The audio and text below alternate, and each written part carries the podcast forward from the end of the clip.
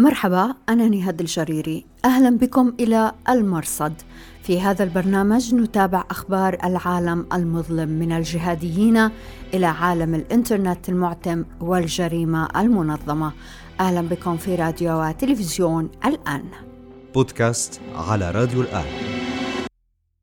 أهلا بكم إلى حلقة هذا الأسبوع من المرصد. نغطي فيها الفترة من 6 إلى 12 يونيو 2022 إلى العناوين. في كتاب تبناه زعيم طالبان الجهاد محصور في أفغانستان والمرأة في المراتب الدنيا تعليما وعملا. دروز إدلب لا أمان لهم من مجزرة قلب لوزه إلى بئر جبل السماق. ماذا قال الزرقاوي في رسالة سرية بعثها إلى معلمه المقدسي مقاطعا؟ الدكتور مروان شحادة يكشف لنا عن ذلك. الدكتور مروان أشرف على إنتاج وتحقيق وثائقيات عن أبو مصعب الزرقاوي والسلفية الجهادية في وقت مبكر منها الزرقاوي من هيرات إلى بغداد ومنها سلسلة الزرقاوي الصعود السريع إلى قمة الإرهاب مع الصحفي الاستقصائي السويسري أورس جرجر. وبإمكانكم الرجوع إلى نص هذه الحلقة في أخبار الآن دوت نت. بودكاست على راديو الآن. صدر في أفغانستان كتاب لعبد الحكيم حقاني قاضي القضاه في حكومة طالبان بعنوان الإمارة الإسلامية ونظامها. الكتاب صدر بالعربية مؤرخا في رمضان الماضي. قدم له زعيم طالبان هبه الله اخندزاده الذي وصف حقاني بأنه سند فقهاء العصر وكتابه بأنه مؤيد عنده. الكتاب هو شرح تفصيلي للإدارة أو السياسة الشرعية التي تسعى إليها طالبان. ونود أن نتوقف عند ثلاثة أمور لافتة في هذا الكتاب. أولا الجهاد. يعتبر حقاني أن الجهاد لا يتوقف بخروج أمريكا من أفغانستان لكنه يحصره في إقامة الدولة الإسلامية هناك. هذه نقطة مهمة تقع في صلب اتفاق الدوحة مع الأمريكيين الذي أعاد طالبان إلى كابل. فلا طموح لدى طالبان في شن هجمات ضد أي جهة أخرى خارج حدود دولة أفغانستان. في المقابل يشكل هذا خلافا مع جهادي الشرق. ثانيا يركز الكتاب على الإدارة الداخلية ولا يتطرق إلى التعامل مع الدول الأخرى التي لها أديانها وسياساتها وأنظمة حكمها التي قد لا تتوافق مع مفهوم الجماعة للشارع وهذه نقطة خلافية أخرى بالنظر إلى علاقة طالبان مع دول إشكالية في تعاملها مع المسلمين مثل روسيا والصين والهند. المسألة الثالثة التي نحب أن نتوقف عندها هي ما كتبه حقاني عن تعليم المرأة وعملها، وهنا يفصل حقاني بين المفهوم والكيفية. أما في التعليم فيرى حقاني أن تعليم المرأة يكون في العلوم الدينية أولاً، أما العلوم الدنيوية فيقتصر على ما يناسب النساء كصنع الخياطة وعلم الطب وأما ما لا يناسب النساء كالكيمياء والهندسة ونحوهما فلا يحتاج إلى خروجهن لها.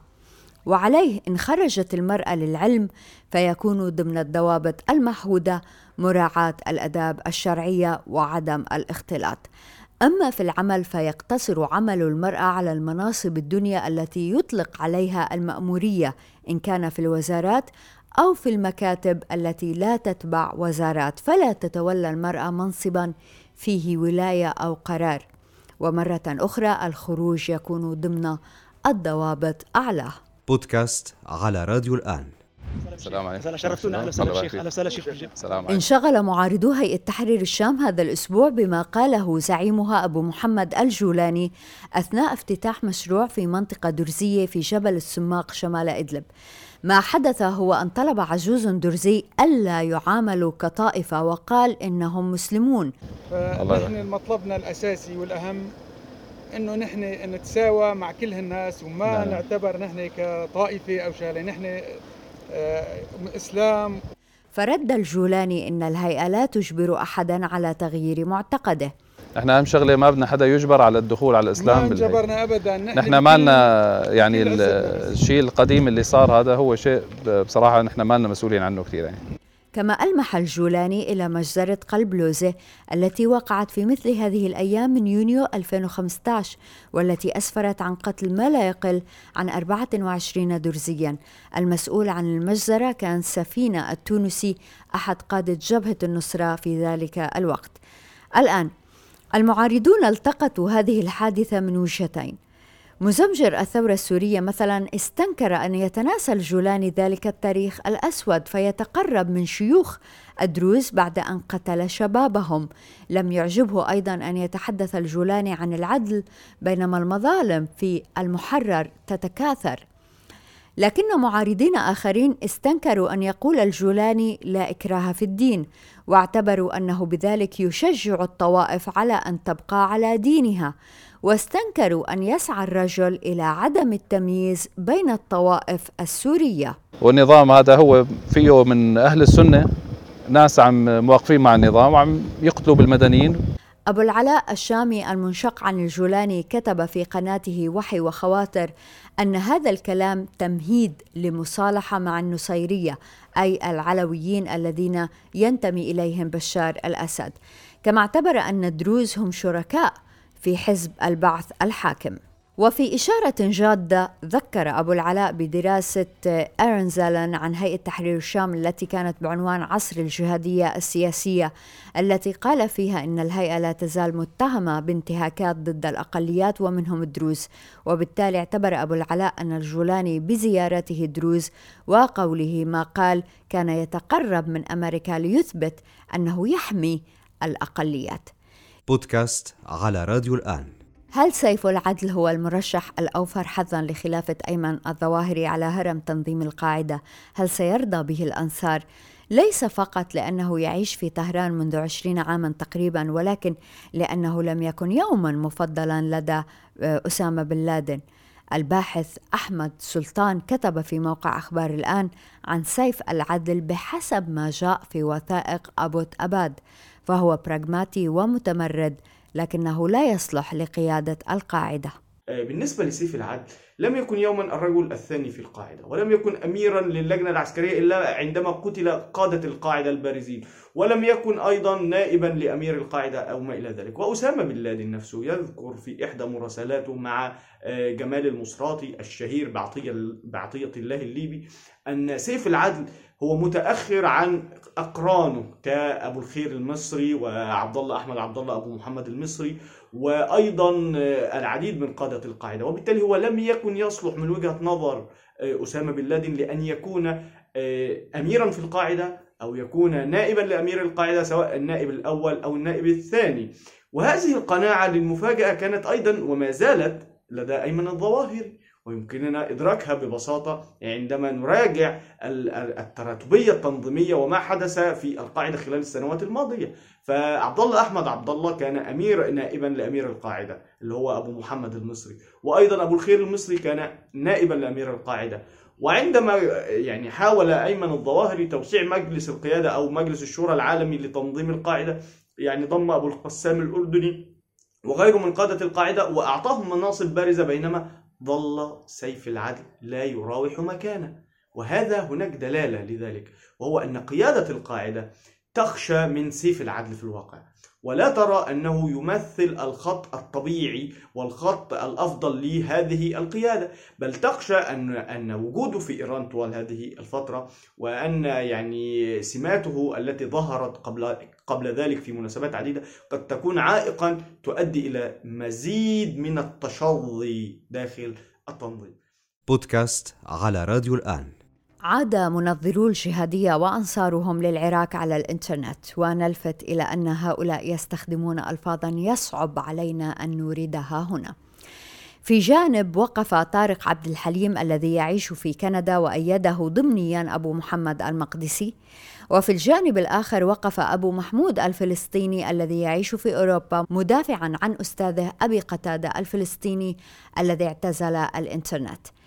عبد الحليم ذكر بفتوى أصدرها أبو قتادة يجيز فيها حسب قوله قتل قرويين في الجزائر إبان العشرية السوداء.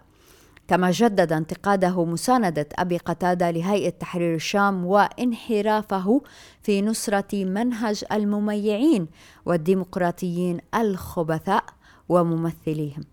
رد أبو محمود على عبد الحليم بأن خصص جزءا كبيرا من الرد لتصحيح الأخطاء اللغوية الفادحة التي وردت في منشورات الدكتور. والأهم أنه نبش من الأرشيف تغريدات له وهو يسب المقدسي. وعلق الدكتور طارق في الصورة الأولى يصف المقدسي بأنه تكفيري. وفي الصورة الثانية يقول عن حكم المقدسي على الجماعات والشخصيات أنه ما جاءت به السنة. فأيهما فيها الكذب أو الصدق؟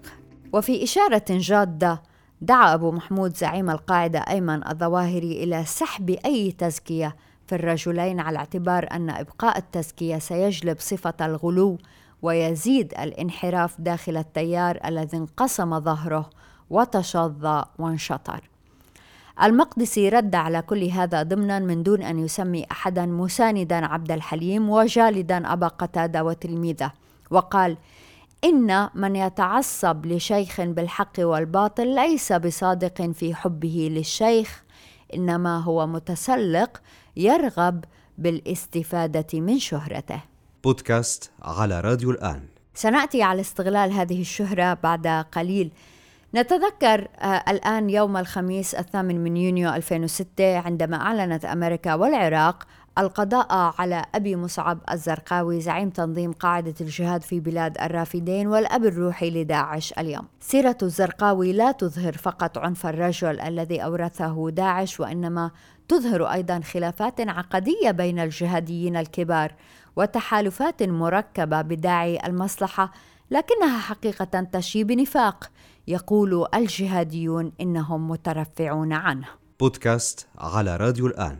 أهلا بكم في راديو وتلفزيون الآن. إذا من أوائل من وثق للزرقاوي ودرسه بالتتبع والتحقيق كان الدكتور مروان شحادة هو الخبير في الجماعات الجهادية المسلحة وهو حاصل على شهادتي دكتوراه في الإعلام والجماعات الجهادية. أطروحته الأخيرة نشرت في كتاب بعنوان أسرار إعلام وأيديولوجيا تنظيم الدولة الإسلامية. الدكتور مروان إعلامي أشرف على إنتاج وتحقيق وثائقيات عن أبو مصعب الزرقاوي وعن السلفية الجهادية في وقت مبكر. منها الزرقاوي من هيرات إلى بغداد وسلسلة الزرقاوي الصعود السريع إلى قمة الإرهاب مع الصحفي السويسري أورس جيرجر وهي مترجمة إلى العربية في موقع جابر الساعدي. شكرا جزيلا لوجودك معنا دكتور مروان. أهلا بك أستاذة نهاد.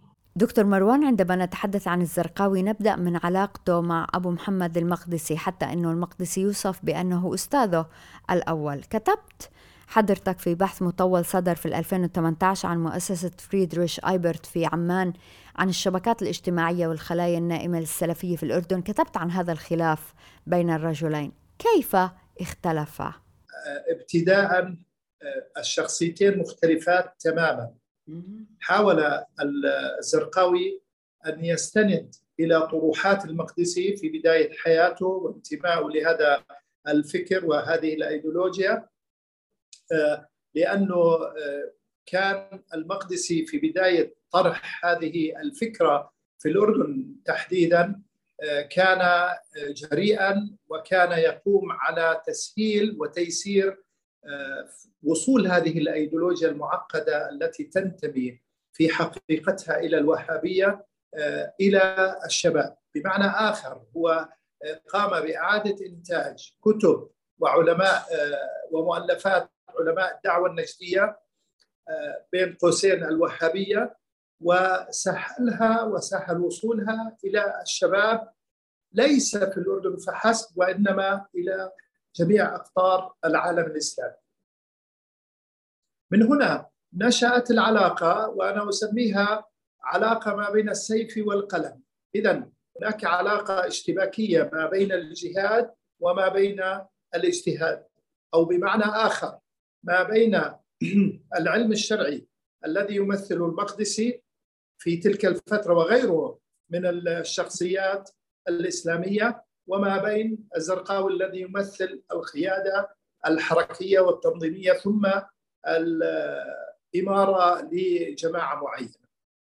إذا طبيعة الاشتباك في الاجتهادات حينما يكون الشخص قائدا يمتلك شخصية الكاريزما القيادية لأن الخلاف في الواقع آه، لم يظهر للسطح متاخرا في هذه الرسائل التي تم تبادلها عام 2004 بل ظهر مبكرا في اواسط التسعينيات حينما كان معتقلان آه، في آه، سجن مركز إصلاح وتأهيل أسواق الزرقاوي والمقدسي على خلفية الانتماء لجماعة مسلحة إرهابية وهي ما عرف امنيا واعلاميا بتنظيم بيعة الإمام. اذا آه، داخل السجن كان الزعيم الروحي لهذه الجماعة هو أبو محمد المقدسي. ولكن بطبيعة شخصية المقدسي في تعامله اللين كما وصفه الزرقاوي وكذلك آه، بقية آه، الشباب لم يرقى إلى طريقه تفكير هؤلاء الأشخاص المنتمين للجماعة الجهادية في تلك المرحلة ووقع خلاف حول الإمارة في طريقة علاقة أبو محمد المقدسي مع إدارة السجن. وبعد ذلك تم عزل المقدسي في الواقع وتم تنصيب أبو مصعب الزرقاوي اميرا للمعتقلين. يعني بمعنى آخر بدأت شخصيته والكاريزما القيادية آه، تبدأ بالظهور مبكرا منذ بداية الاعتقال يعني في عام ال 94 تحديدا. وبدأ أول خلاف حول آه، طريقه تعامل المقدسي مع إدارة السجن. ثم لاحقا برزت خلافات كثيرة آه، في تقديري كان أبرزها بعد الخروج من السجن حول موضوع الهجرة إلى البلاد التي تشهد اضطرابات مسلحة كأفغانستان أو آه، العراق أو غيرها من البلدان، العراق أقصد بالعراق المنطقة الشمالية في كردستان للالتحاق بجماعة أنصار الإسلام آنذاك. آه، الخلاف بدأ حول هذه المسألة وهي التحاق وتفريغ الساحات العربية والإسلامية من الشباب المتحمس لنشر الدعوة. أبو محمد كان يرى في تلك المرحلة آه، بأنه يجب عدم إفراغ تلك البلدان من الشباب الذين يدعون آه، إلى هذا الفكر وهو يعتبرها دعوة توحيدية هناك عدة قضايا بدأت تطفو للسطح الأخطاء والسلوك العنيف الذي بدأ يظهر في ساحة العراق تحديدا. أول هذه الخلافات كانت عن موضوع التوسع في استخدام العمليات ما يعرف بالعمليات الاستشهادية أو الانتحارية. كان المقدسي يرى إنه هذه العمليات لا تس لا تستخدم إلا للضرورة القصوى.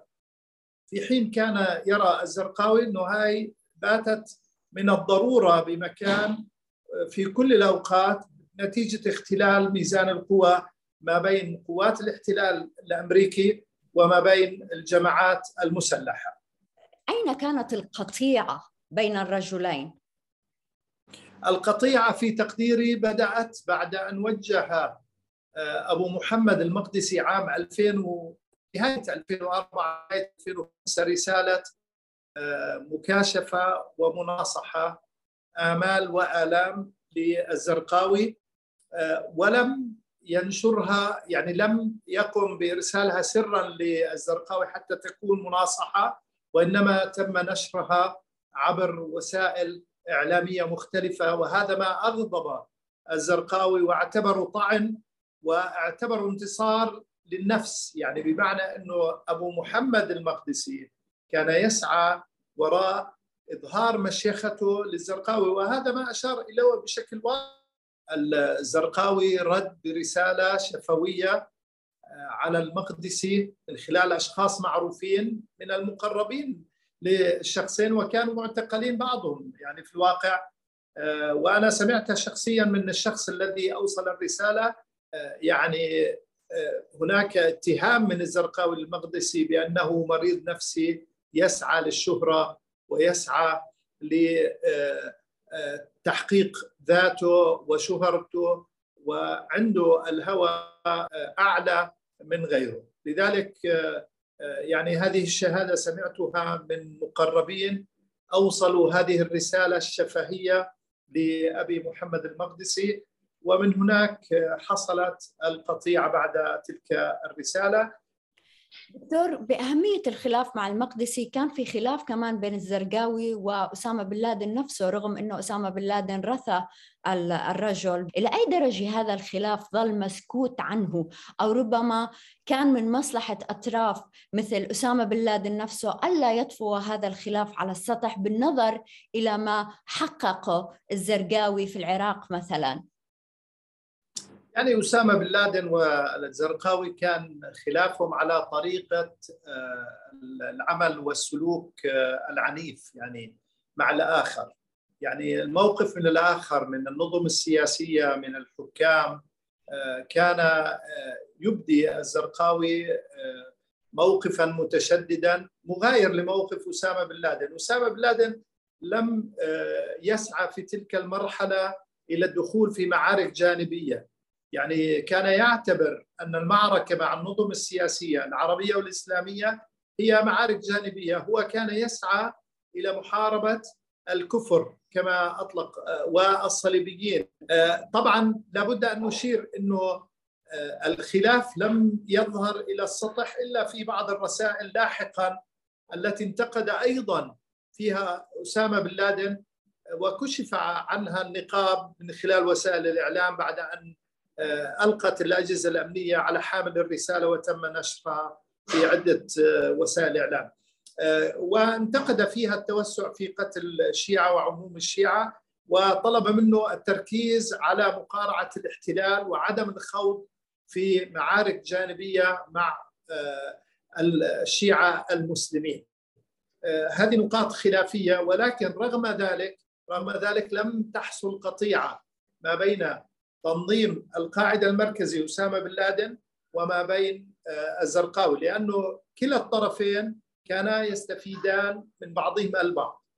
هذا يعطي لهذا الشرعية وذاك يستفيد من شرعية التنظيم المركزي واستفاد أيضا من التبرعات والدعم المعنوي والإعلامي والسياسي والمادي من علاقته بالتنظيم القاعدة المركزية، يعني بمعنى آخر تنظيم القاعدة في بلاد الرافدين كان كانت علاقته مع تنظيم القاعدة بزعامة أسامة بن لادن منذ العام أكتوبر 2004 ولغاية 2006 تحديدا بعد تشكيل مجلس شورى المجاهدين كانت علاقة مبنية على المصلحة المتبادلة. دكتور مروان نشرت في فيلت فوخا سويسرية حضرتك والصحفي أورس جيرجر في 2005 تحقيق مطول ومهم عن الزرقاوي بعنوان الزرقاوي الصعود السريع إلى قمة الإرهاب. ترجمة جواد الساعدي وكانت ترجمة آه، ممتازة حقيقة موجود أونلاين. تناول هذا التحقيق مسألة علاقة الزرقاوي بإيران. مهم هذا الكلام جدا دكتور.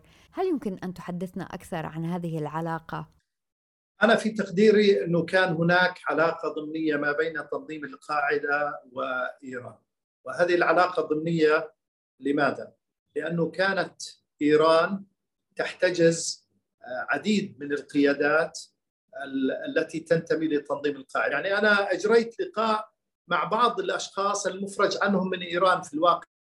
التقيت مع 24 شخصية أفرج عنها مع من إيران. وحدثوني إنه طبيعة العلاقة آه، كانت اشتباكية ولكن يبدو إنه إيران كانت مصلحتها أن تسكت عن نشاطات القاعدة لأنها تضعف التواجد الأمريكي في المنطقة. وهناك كما هو معروف إنه إيران آه، في مرحلة لاحقة يعني كانت تقول لهم آه، أنتم تكفروننا نعلم ذلك ولكن لكم مصلحة إنه إحنا ندعمكم يعني. ففي تقدير الزرقاوي لم يلتقي بالايرانيين الزرقاوي لم يلتقي بالايرانيين على الإطلاق ولكن فيما بعد يعني بعض القيادات العراقية كانت تشتري من تنظيم مجلس شورى المجاهدين وتنظيم القاعدة في العراق كانت تشتري بعض الأسلحة المتفجرات الألغام الجانبية وغيرها من المعدات لمواجهة القوات الأمريكية وهي صناعة إيرانية. دكتور مروان من خلال دراستك لسيرة الزرقاوي هل فاجأك هذا التحول السريع في الرجل من شخص مغمور إلى هذا الشخص الذي يظهر على الشاشات وهو يذبح آه، بشر يذبح إنسان يعني هو طبيعة الزرقاوي شخصية عنيفة قبل أن يلتزم دينيا يعني هو معروف يعني تاريخه أنه كان آه، إحنا في المصطلح في الأردن إنه كان أزعر. فبالتالي شخصية الزرقاوي كان آه، شخصية قيادية حتى على مستوى عدم الالتزام بين اقرانه كان شخصية وعنيفة يعني لا لا يسكت ويحاول أن يؤثر باستخدام القوة يعني الواقع الذي يعيشه أو يكون متمردا عليه. آه، لذلك هذه الشخصية انعكست على شخصيته بعد الالتزام. آه، وكان يحاول يعني دائما الزرقاوي إنه آه، يكون حازم وحاسم في في قراراته والمخالفين له ان اضطر يعني ممكن إنه يضربه أو يقتله دكتور مروان نشرت أطروحتك آه، الدكتوراه الثانية في كتاب بعنوان أسرار إعلام وأيديولوجيا تنظيم الدولة الإسلامية. أنت تتابع إعلام الجهاديين منذ بدأ ومنذ تحول الإنترنت في مواقع مثل الحسبة. ما أكثر ما لفت انتباهك في هذه الدراسة؟ أخذت افتتاحيات صحيفة النبأ وهي لسان حال التنظيم التي تعبر هذه الافتتاحيات عن رأي التنظيم. وفككتها يعني وحللت مضمونها تحليل كمي ونوعي. وخلصت إلى نتيجة إنه هذا الخطاب بدأ بالبناء الديني الأيديولوجي ثم الموقف من الآخر ثم بدأ يفصل في كثير من المسائل السياسية والأمنية والعسكرية. هذا في الافتتاحيات. وجدت أن الخطاب عنيف بمكان بحيث إنك هذه الكلمات ربما تخالين وأنت تقرأي هذه الافتتاحيات أن قنبلة أو سيارة مفخخة أو عبوة ناسفة ستنفجر فيك من بين هذه الكلمات من شدة آه، الرعب التي تحاول زرعها في القارئ أو في الآخر. آه، وجدت أيضا أن الافتتاحيات ربما آه، تستخدم مفاهيم ومصطلحات من التراث الإسلامي للتضليل بمعنى إنه بشكل مجتزأ آه، لم يتفق كليا على المسائل التي يتم طرحها آه، ويتبناها التنظيم على اعتبار أنها آه، مسألة اجتهادية إجماعية. يعني بمعنى إنه كل أهل السنة مجتمعين ومجمعون على هذه المسألة في حين أن هذا ليس صحيح. لذلك الاجتزاء من التراث الإسلامي لإضفاء شرعية على هذه الأيديولوجيا ضلل كثير من الشباب آه، في كثير من أنحاء العالم. الدكتور مروان شحادة شكرا جزيلا لك. العفو أهلا. وشكرا جزيلا لوجودكم معنا في راديو وتلفزيون الآن. أنا نهاد الجريري مع السلامة. بودكاست على راديو الآن.